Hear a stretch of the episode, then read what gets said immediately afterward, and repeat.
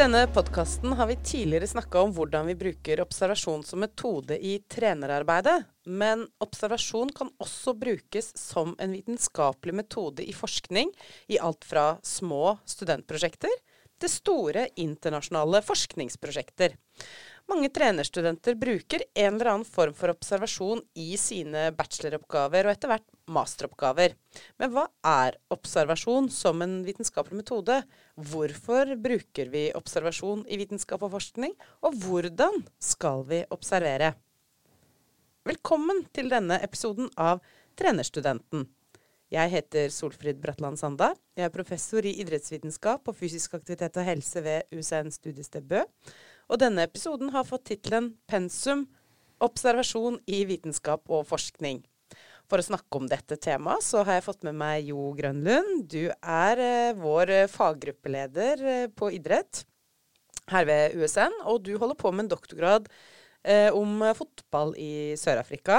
Og Liv Hemmestad, du har jo vært der før. Eh, men du er fortsatt førsteamanuensis i idrettscoaching og eh, fagansvarlig for coaching i Olympiatoppen. Velkommen til dere to. Tusen takk. Tusen takk. Takk. Liv, kan ikke du ta oss litt igjennom hva er observasjon i vitenskap og forskning? Observasjon i vitenskap og forskning er en systematisk måte å studere verden på. Eh, det er en måte å jakta noe, eller en måte å legge merke til noe. Eh, en systematisk observasjon. Det kan være av et fenomen eller av atferd.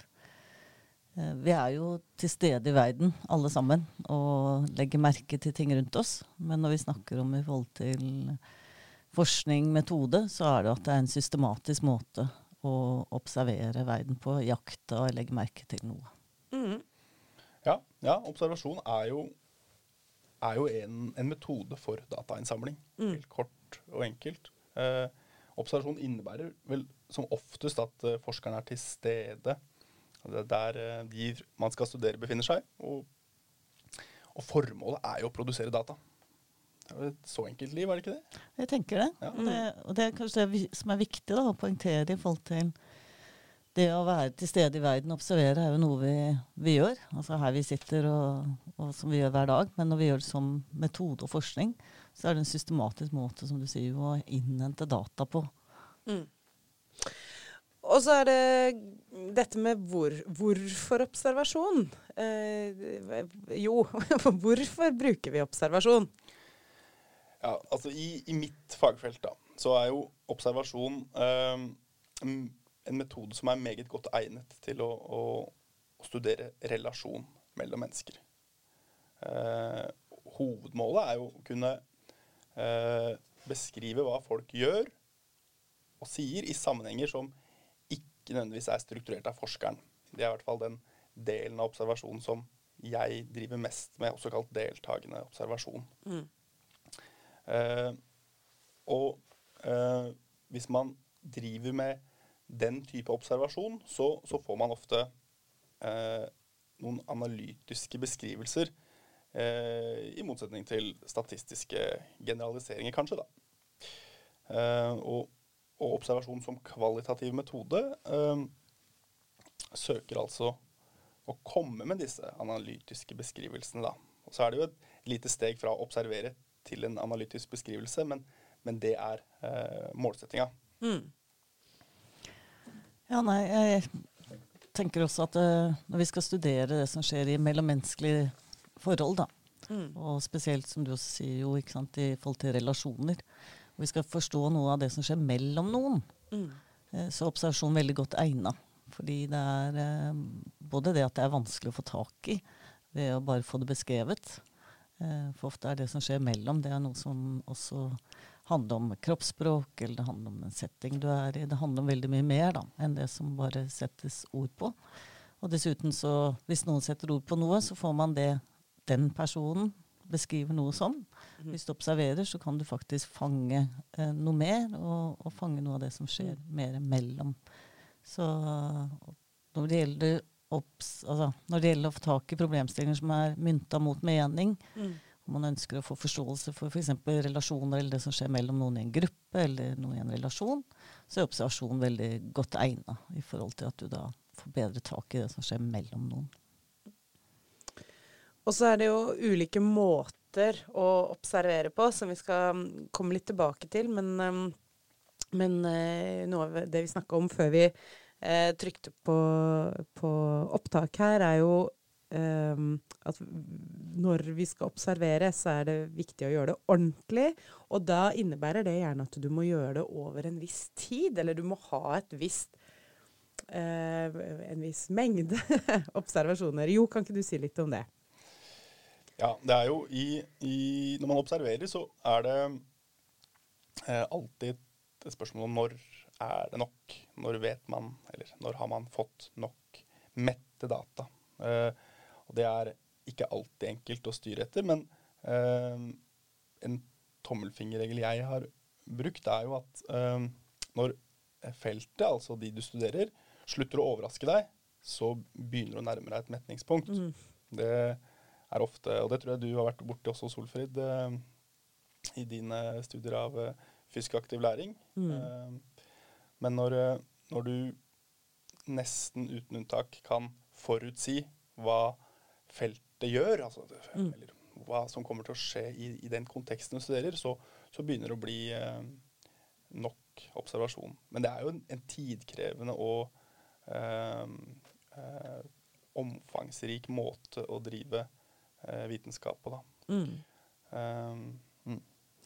Ja, så er det jo dette med metning. For jeg syns det, det, er en sånn krevende greie. Det er viktig at det er lenge nok. og som du sier, jo at på et tidspunkt så tenker man nå, nå kommer jeg til å skjønne hva som skjer.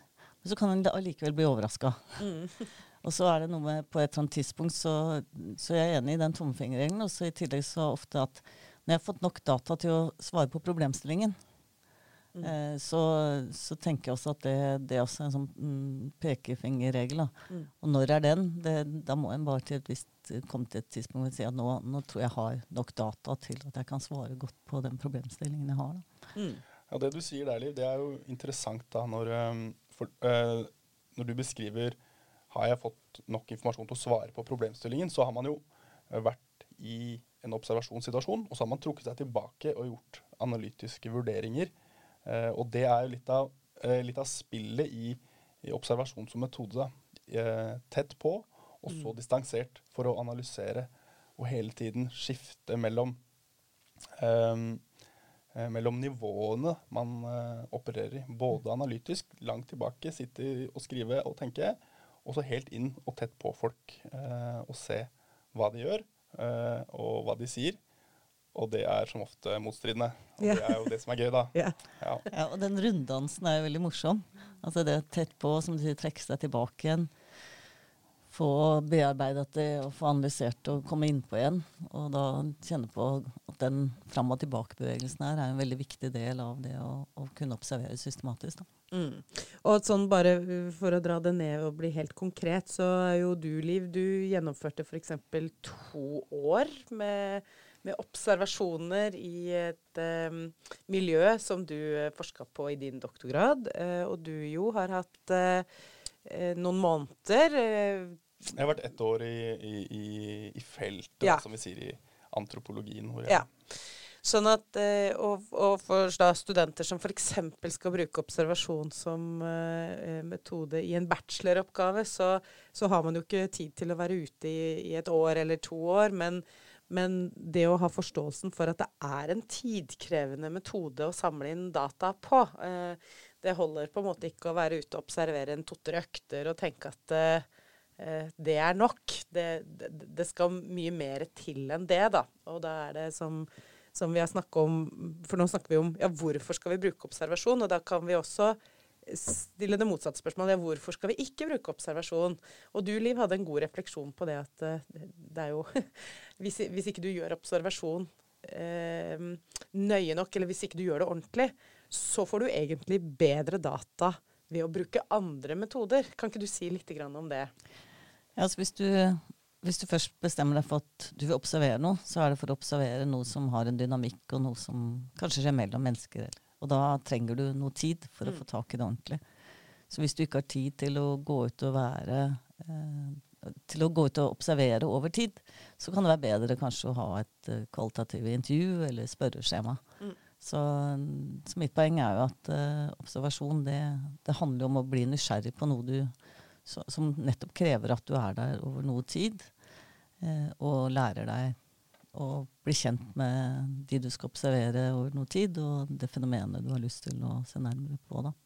Så, så tror jeg noe av det som er en styrke ved observasjon òg, at du kan gå ut med en problemstilling men hvis du er der over noe tid, så vil du sannsynligvis oppdage nye ting mm. som du ikke har sett på samme måten. Og det er det som er litt av det fruktbare.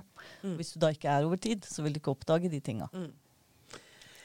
Da er det jo egentlig fint å, å, gå litt over i dette med hvor, ja, hvordan observerer vi. Og eh, jo, du har allerede nevnt dette med deltakende observasjon. Eh, vi har noe som eh, heter skjult observasjon, åpen observasjon. Eh, eh, kan, kan, dere hjelpe oss å sortere litt i disse forskjellige? Hva er, hva er åpen observasjon, hva er skjult observasjon, hva er deltakende, hva er ikke deltakende observasjon? Jo. Ja, gjerne det. Uh, observasjon er jo et, et, et meget vidt metodebegrep, da, som eh, strengt tatt alle vitenskapelige disipliner bruker, enten om man observerer noe som skjer på en datamaskin, eller bruker øynene til å se. Det er jo det det handler om. Eh, i observasjon som metode så, så skiller man ofte mellom eh, deltakende observasjon og, og, det du sier eh, som ikke-deltakende observasjon. Det har vi ikke snakket om, men, men, hvis man er en deltakende observatør, så deltar man i det feltet man studerer. Og hvis man er en ikke-deltakende observatør, så sitter man på utsiden og ser inn. Eh, men dette er jo da eh, idealtilfeller skrevet på et papir, for dette er veldig vanskelig mm. eh, å få til. Eh, og det er en glidende overgang mellom deltakende, litt deltakende, noen ganger litt med, noen ganger litt ikke med, og, og den biten. Mm. Så det er i hvert fall et, uh, en skillelinje som er god å huske på. Deltakende observasjon og ikke deltakende observasjon. observasjon. Og så er det eh, det du nevnte, Solfrid, om strukturert observasjon og ikke-strukturert observasjon. Eh, hvis man en, gjør en strukturert observasjon, så har man på forhånd bestemt seg for hva man skal se etter, hvilke kategorier eh, man, eh, man, skal beskrive noe i, og eh, er veldig tydelig på dette er det jeg skal se. Den ikke-strukturerte observasjonen er mer det som Liv var inne på, eh, å, å, tre inn i et felt og la feltet overraske deg med, med, sin, eh, med sine særegenheter og, og snurrige eh, fenomener, da, egentlig. Det er i hvert fall to skillelinjer som er viktig. Du nevnte kanskje flere, men kanskje livet eh, Ja, dette med åpen og skjult, ja, det for det er en sånn um, mm. Ja, Jeg har bare lyst til å kommentere, for jeg tror det er veldig viktig det du sier, jo. At sant, det er noen flytende overganger. Men jeg tror uansett om man har en uh, altså deltakende eller såkalt ikke-deltakende, så jeg er i hvert fall veldig opptatt av når studentene skal gå ut og observere, så må de vite hva de skal se etter. Eh, for hvis du skal ha en type at du går ut i et felt bare med veldig åpen tilnærming, så må du i hvert fall ha innmari god tid. Og det er kanskje ikke på en bachelornivå, i hvert fall. Men, men, det er jo kjempespennende, for det, det, gir jo noen muligheter. Men hvis vi snakker om bachelor og de fleste masternivåer, så er det veldig viktig at når vi går ut og observerer, at vi retter oppmerksomheten mot noe. Fordi ellers kan alt og ingenting bli veldig aktuelt og veldig interessant.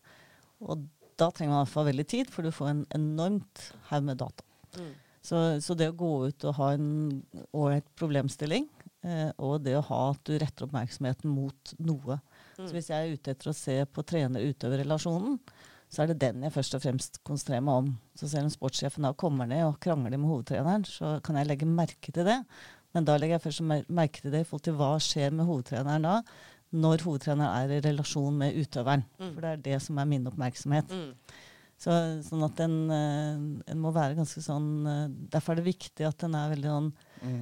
Nøye på hva er liksom min, min tematikk, hva er min problemstilling eller problemstillinger. Mm. Og så at en går ut og retter fokuset mot det, da. Fordi det er jo veldig mye eh, som skjer, og veldig mye å ta inn. Det er veldig godt poeng. Hvis man går helt, helt åpent og naivt inn i et felt, så vil man bli eh, overlesset av, av, data til slutt.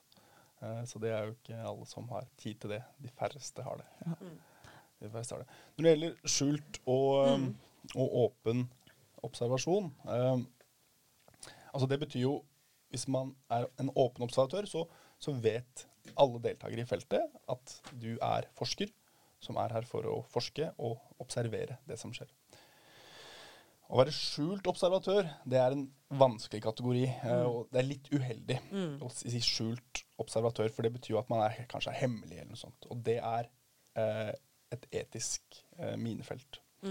Men eh, man kan jo eh, se for seg at man gjør observasjon av mange mennesker på et sted uten å være skjult, men at man eh, Det er helt umulig for deg å si til alle her eh, eh, Jeg er forsker, og jeg forsker på dere. Hvis man ser f.eks. på et publikum på, et, eh, på et idrettsstevne eller et fotballkamp, så, eh, så observerer man jo opp til jeg vet ikke, 20 000 eh, på Ullevål.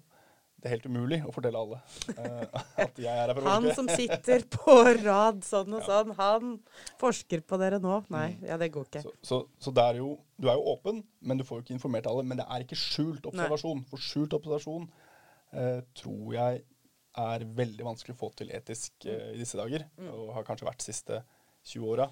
Eh, men kanskje dere har noen gode eksempler på, på skjult observasjon som har eh, eh, eh, etikken på sin side. Jeg tviler på det, men kanskje. Altså fra Det fins jo flere eksempler fra f.eks. 90-tallet. Eh, og fra måte vårt felt, idrett, idrett, treningsfeltet, så er jo kanskje studien til Bjørn Barland på Ja. doping på, eh, på trenings... Eller på helsestudio. Eh, og, og hvor han fikk eh, hva skal jeg si, innpass hos eh, personer som eh, bruker doping. Um, og det, det ble jo gjort gjennom en sånn type skjul Altså han gikk inn i det miljøet uten å være åpen om at han var forsker. Men det eh, var eh, sånn som den be, eh, begrunnelsen var da, eh, var at det var, det var den eneste måten han virkelig kunne få den tilliten til eh, de som skulle være hans informanter. Eh, men så ble han jo åpen med de etter hvert. Ja, Ikke sant? Men ikke Eh, alle i feltet nei. fikk vite det. Men, men noen kjerneinformanter som også delte Ja. mye med han. Ja. Men eh, ikke hele treningsstudio eller alle dopingkameratene fikk vite det. Det er nok det er riktig. Ja. Men det, men det er en etisk Absolutt. Altså, og jeg tenker det er blitt vanskeligere Mm. med de reglene vi har i forhold til etikk og ja, så, så tror jeg det, Mm. det med skjult observasjon Det er som du sier, jo, at hvis, hvis en går og setter seg på en fotballkamp og skal observere publikum, eh, så, så kan det fortsatt være innafor. Eh, men du skal ikke Altså hvis du går på et klassemøte, og du skal observere foreldre, og du sitter her som en foreldre og driver skjult observasjon, så tror jeg det kan bli problematisk å, å komme med de dataene etterpå. Mm. Så, så jeg tror man skal være veldig nøye på etikken her. Og det det gå inn som skjult Det var vanligere før. altså Mm. Kunne gå inn i forskjellige miljøer og bare være i miljøet, bli en del av miljøene. Og så kunne man eh, hente ut data som man da skrevet etterpå. Det, med de kravene vi har i dag til eh, forskningsetikk, så, så Mm. tror jeg det, det er ganske krevende. Ja, og, og uavhengig av hva, hva vi som forskere mener at ja, dette er innafor eller dette er ikke innafor, så må vi jo uansett, som, eh, som dere begge er inne på, vi må jo søke til f.eks. NSD, altså Nasjonal samfunnsvitenskapelig datatjeneste, som eh, har et sånt person... Eh, de er personvernombud for forskning. Og eh, hvis vi mener at vi har veldig gode grunner da, for at eh, dette eh, studiet skal kunne gjennomføres med bruk av skjult observasjon, så er det noe vi må søke om og få godkjenning. Da er det NSD som må lese gjennom våre argumenter og si at eh, ja, dette er vi enig i. Dette kan vi godkjenne i henhold til gjeldende lovverk. Eh, eller de sier nei. Dette kan vi ikke godkjenne, så det får dere faktisk ikke lov til å gjøre. Så, eh, så det er også en sånn viktig eh, huskeregel, eh, egentlig uavhengig av hvilke bachelorprosjekt vi gjør, at eh, vi kan ha noen argumenter og vi kan ha noen begrunnelser for hvorfor vi ønsker å gjøre dette. Men i veldig mange tilfeller, særlig når vi forsker på mennesker, så må vi søke godkjenning for eh, Og da, altså, noen andre må være enige da, i de argumentene vi fremsetter. Men eh, men det, det, betyr jo ikke at eh, altså, dere studenter kan jo fort lese studier som er en del år gamle, som har brukt skjult observasjon. Og det å da vite at ok, noe av det som ble publisert på 80-tallet, 90-tallet, er, det er ikke sikkert vi hadde fått lov å gjennomføre de samme studiene i dag, da. Mm. Jeg tenker at det å snakke litt om, om uh, hvordan vi uh, har brukt observasjon, så er det jo fint å, å bruke litt sånn konkrete eksempler. Uh, så hvis vi begynner med deg, Liv, altså, kan du si litt konkret om hvordan du har brukt observasjon i jeg håper å si ett eller flere av dine prosjekter, forskningsprosjekter?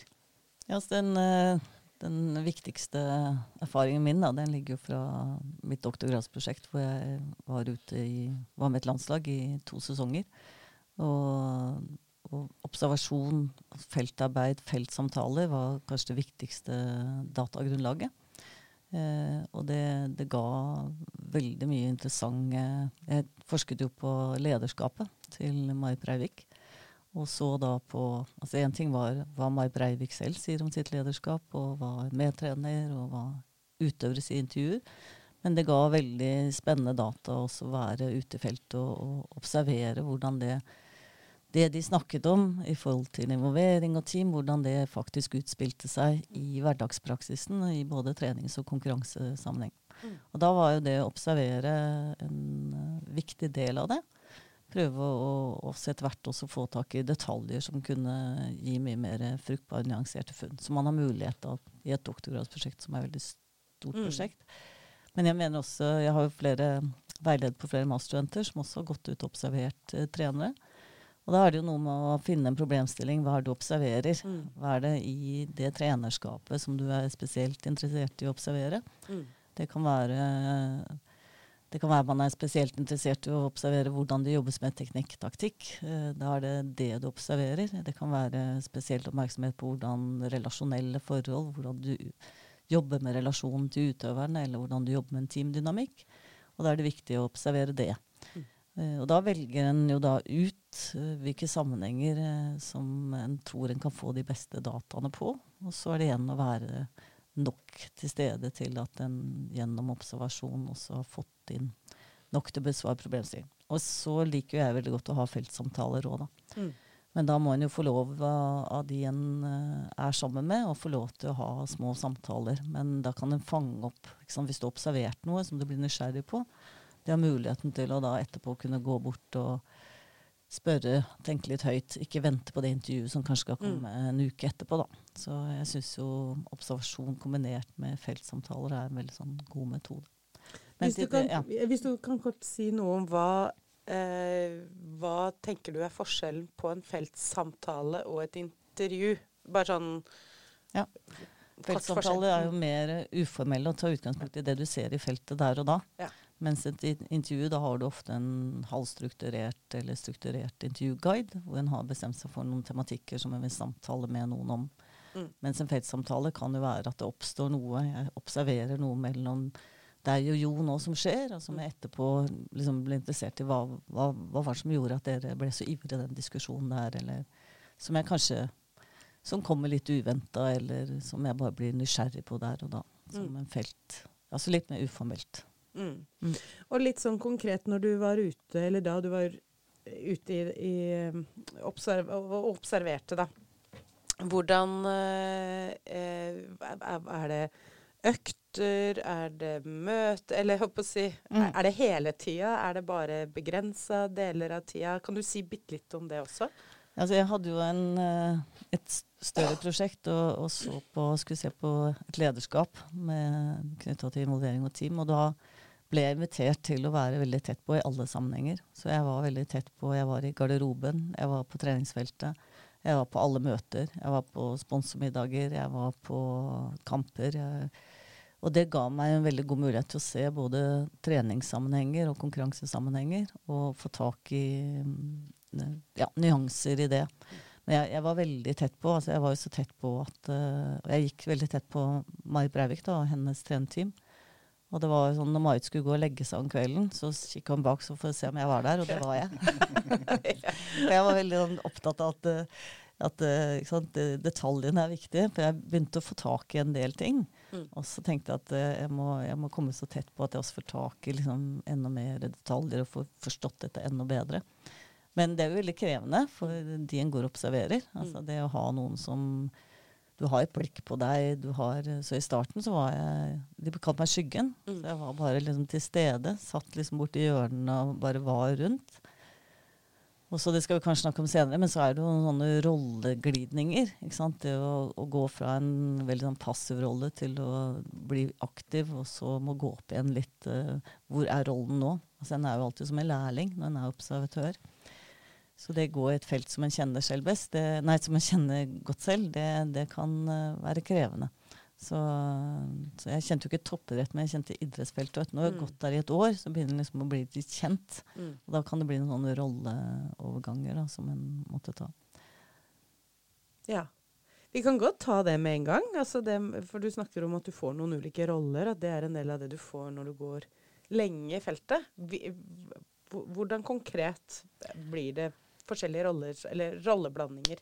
Ja, altså når du går lenge i et felt, da, så, så blir man litt sånn uh, familiær med eh, feltet. At en begynner å kjenne feltet, en begynner å kjenne, kjenne sammenhengen en går i. En begynner å kjenne Og de som en har observert, som før har sett på deg som en forsker som henger som en skygge rundt. Eh, når, også med uformelle feltsamtaler så kommer det flere og flere. Og det er veldig interessante samtaler ofte. Men eh, så er det noe med hvor går grensen liksom, på når noen begynner å kontakte meg som forsker mye, da, eller Og jeg får flere og flere feltsamtaler med trenere, med utøvere. Er mer og mer med. Til slutt så går du inn i en rolle hvor en går liksom fra, fra å være mer eh, passiv til at en er i mye dialoger.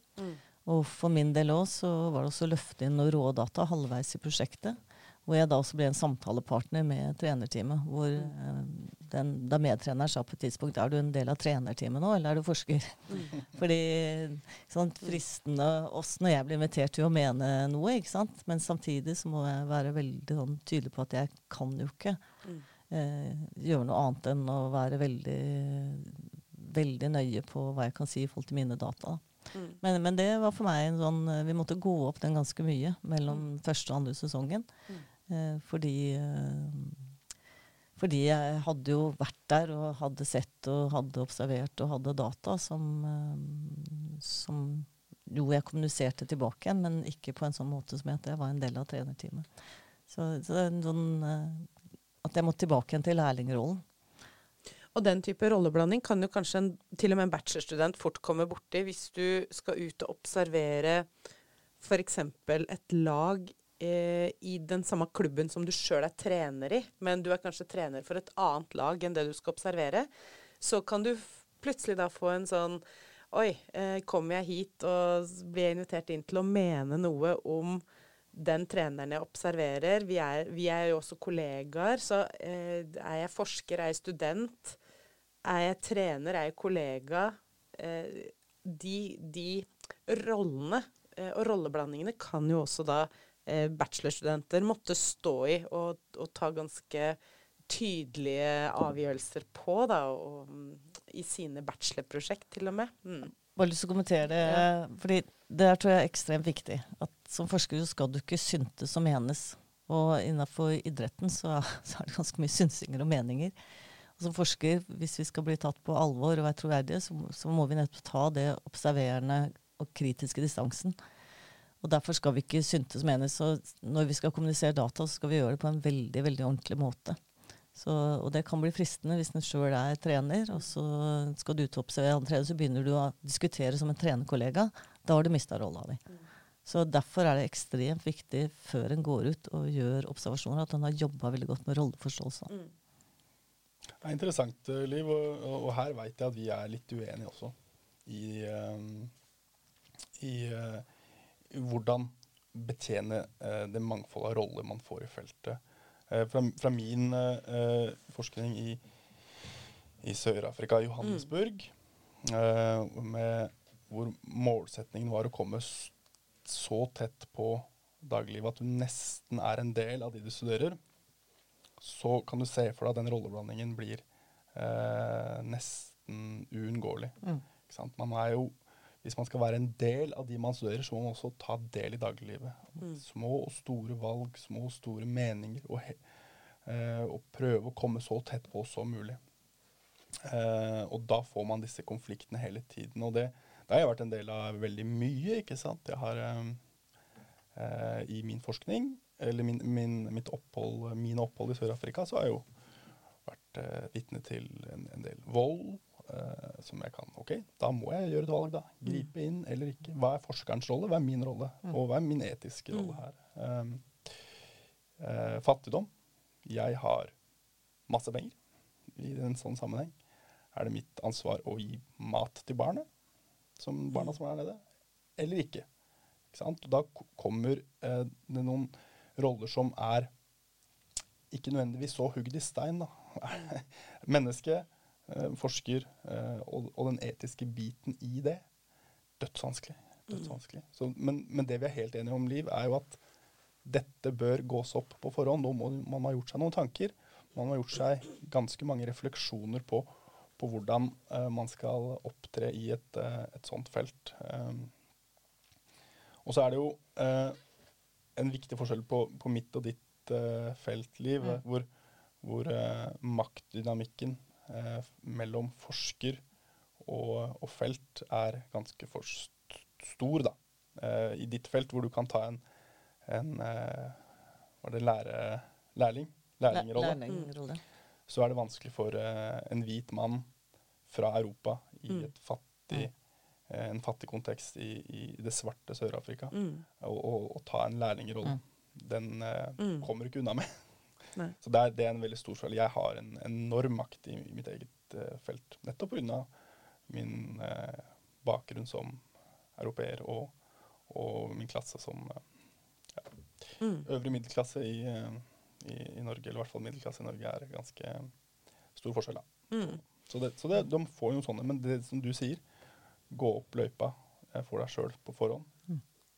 Vit at du kommer til å møte disse Mm. Ja, for jeg tror, jeg tror egentlig ikke Jeg jeg er enig med deg. Så jeg, jeg tror egentlig ikke Men det er bedre å si på podkast at man er enig. ja.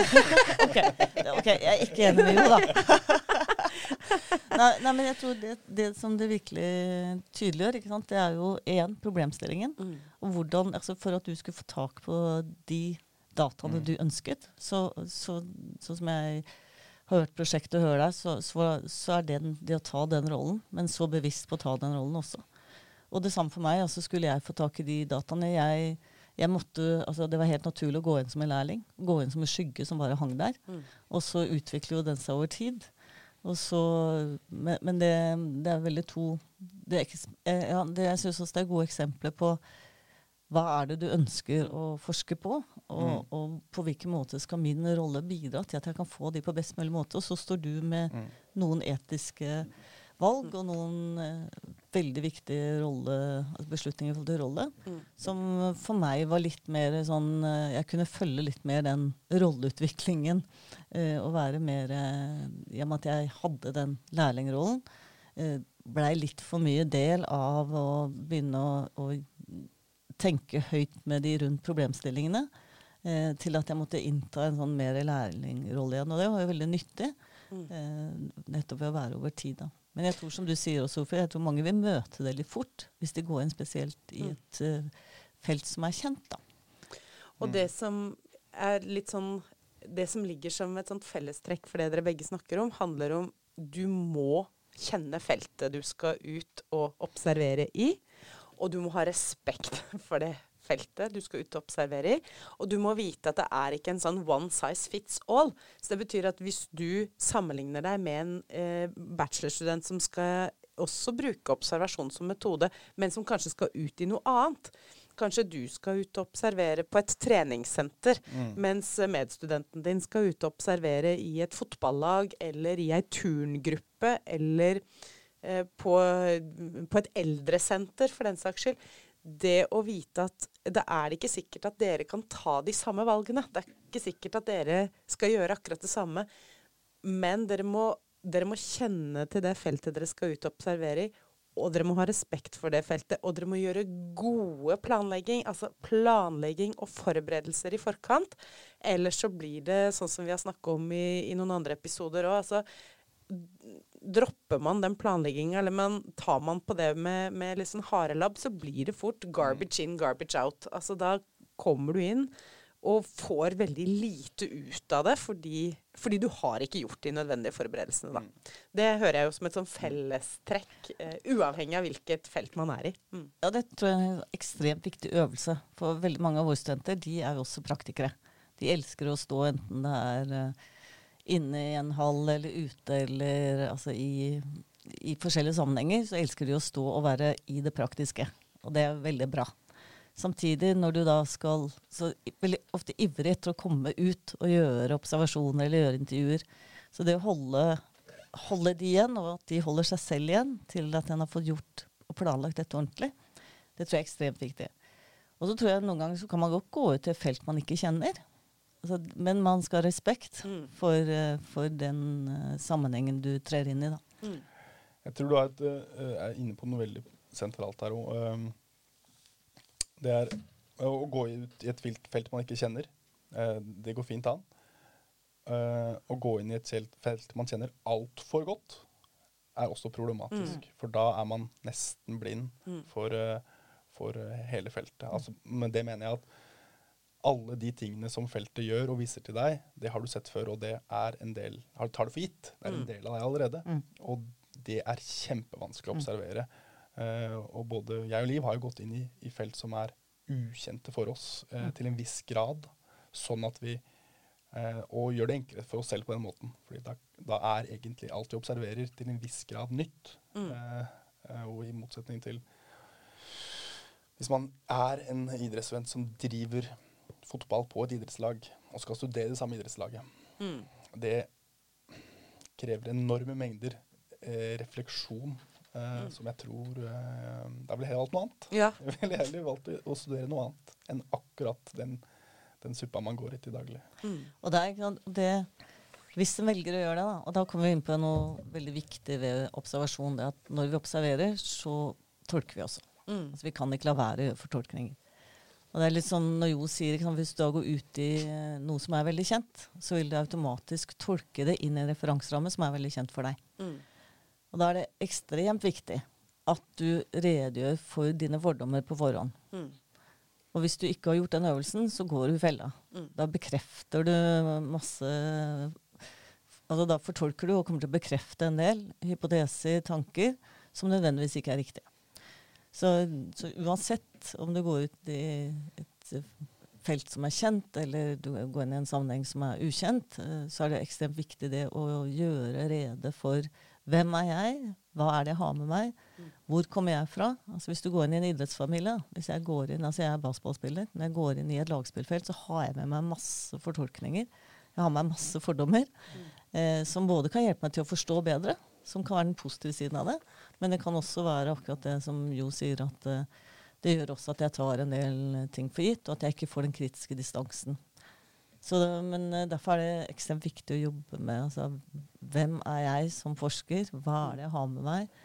Hvilke fordommer har jeg med meg? Hva er det jeg sjøl har av min historie? Så den metodedelen den skal den skal være ganske grundig. Og den tror jeg mange studenter syns er litt morsom å jobbe med. Mm. Og når vi da snakker om, om eh, metodebeskrivelsen, eh, altså hva er det jeg eh, Når jeg bruker observasjon sjøl, hva er det jeg legger vekt på å ta med i metodebeskrivelsen som gjør at andre skjønner hva jeg har gjort?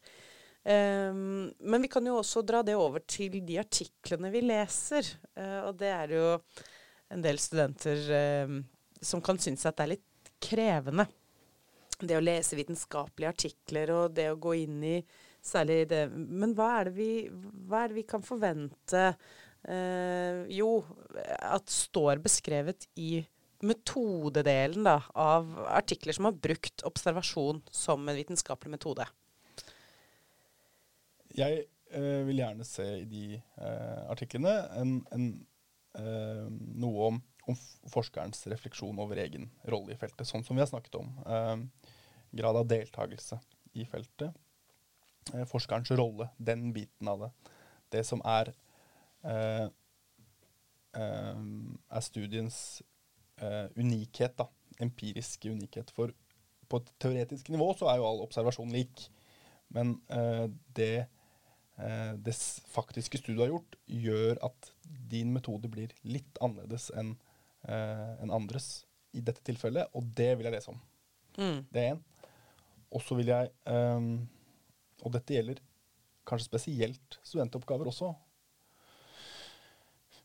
Jeg vil gjerne lese en vurdering om hvorfor observasjon er brukt som metode, og ikke noe annet. Ikke sant? Hvorfor er observasjon best egnet eh, til, eh, til denne studien? Og det kan man jo eh, Det spørsmålet må man egentlig stille seg før man går ut og observerer. Og det, det, vi skal være ærlige på at det har vi sett mange studenter som går ut og, og vil gjøre observasjon, eller vil gjøre eh, intervju. Men det har ikke stilt seg spørsmålet er metoden jeg velger den mest adekvat, adekvate måten for å finne svar på det jeg lurer på. For det er det første spørsmålet. Først eh, hva og hvorfor, og så kommer hvordan til slutt, og det er Mm. metoden. da. Eh, ofte så blir, er det, eh, kommer hvordan litt for tidlig inn eh, blant studenter på eh, bachelor, master og også ph.d.-nivå, har jeg sett. da. Mm. Nei, jeg følger deg. Du sa vi skulle være uenige. Ikke for enhver pris. Nei, men, eh, men, men og jeg tror det, det er ekstremt viktig det, det du sier, jo. Fordi det, det igjen, altså det er mange som er så ivrige på å komme ut, men har så lyst til Det er det som er gøy. ikke sant? Snakke med folk, observere folk. Og, men skal det, skal det gi noe, eh, så er det viktig å holde igjen på akkurat altså, Hva er det i min problemstilling som gjør at jeg skal, skal eventuelt intervjue, skal eventuelt observere? Og hvis jeg skal gjøre det, eh, hva er det jeg tar med meg av egne historier, egne, egne ting som vil hele tiden påvirke hvordan jeg tolker. Eh, så det tror jeg Så i tillegg til Josas, det, det, og det leder jo også opp til å ha en systematikk, da. Så jeg, hvis jeg skal lese en artikkel, så, så er jeg veldig opptatt av det med altså, rolle. Rolleforståelsen for å, at det skal være troverdig, det de faktisk har observert, og de dataene de har funnet. Om det er systematikk i det. Da eh, tror jeg vi egentlig nærmer oss litt sånn eh, eh, slutten på mm, dette temaet, i hvert fall for denne gang. Men er det noe dere tenker at eh, Er det noe dere brenner inne med, som eh, vi burde ha snakka om når det gjelder observasjon som vitenskapelig metode, som vi ikke har fått berørt ennå? Altså, øh, for meg, da. øh, I, i deltakende observasjon så er det er en meget godt egnet metode øh, for å uh, kunne fortolke trekk ved en kultur eller en kontekst som informantene selv ikke er bevisst. Eh, altså hva folk sier og hva de gjør, det er forskjellig. Eh, og det kan observasjon observere. Ikke for å avsløre informantene, for de lyver ikke, men de er ikke bevisst uh, sin egen uh, sin egen fordypning i sin egen kultur, da. Et, kan jeg ta et helt Absolutt. tenkt eksempel her, da. Hvis man skal studere hvordan det er hvordan oppleves å være på treningsstudio. En dårlig problemstilling, kanskje, men vi tar den nå. Um, så går du på treningssenteret, og så ser du hva som, hva som skjer der. Så vil du observere at eh, veldig mange drikker vann av uh, såkalte sånne shakere. Det vil du se. Uh, og hvis du spør menneskene som er der, hvorfor drikker du av denne shakeren, så vil de sannsynligvis svare det er det mest behagelige, og det var det jeg hadde. Sånn helt tilfeldig. Men det det også sier, at når folk går rundt med en shaker på treningsstudio, så sier man man sier ting som man ikke er helt klar over selv, for det er en symbolikk i det. ikke sant? Man, um, man sier at for det første så vet man vet informanten hvor man kjøper shakere. Det er jo én ting. Og så signal, signaliserer man at man er en del av en gruppe som bruker shakere til å drikke vann, istedenfor å drikke av en tom Pepsi Max-flaske. Og det sier noe om noe. Man viser at man er innafor og ikke utafor. Dette er vanskelig for informanter selv å sette ord på, og det er observasjonens rolle. Å se alt dette. Ja, Det var litt eh, kvasivitenskap, men det er jo et, et tenkt tilfelle, da. Som studentene kan gruble videre på. ja. Liv? Ja, nei, jeg jeg er utafor. Jeg måtte sitte og liksom Hva er shakere? Man kan bruke det til å lage Er det vannflaske? Ja, det er en proteindrikkmikser, ikke sant? Men, men jeg, jeg har bare lyst til å si at eh, jeg tror jo observasjon som metode er Altså den gir litt nye data. At den, eh, hvis, hvis har, liksom, selv om det er litt mer tidkrevende, så, så tror jeg jeg har veldig lyst til å oppmuntre de studentene som har lyst til å gjøre det, til å gjøre det. Mm. Fordi det, altså det både er en, at du har en sånn reise med deg selv, for du må være veldig sånn bevisst når du sjøl er ute og observerer, som, som jeg tror de fleste som gjør det ordentlig, finner også veldig sånn interessant. Mm. Og så kan du også ofte få data som, som er mer interessante enn om du bare gjør noe som, som egentlig er en kopi av andre. Dette er som du sa i stad? Det blir ditt unike, ditt særegne. Mm. Så vi absolutt oppfordrer til å gjøre det, om det ikke er akkurat på et første år, så i hvert fall på et tredje år. Mm. Og da bruke god tid på å planlegge. Det er gøy.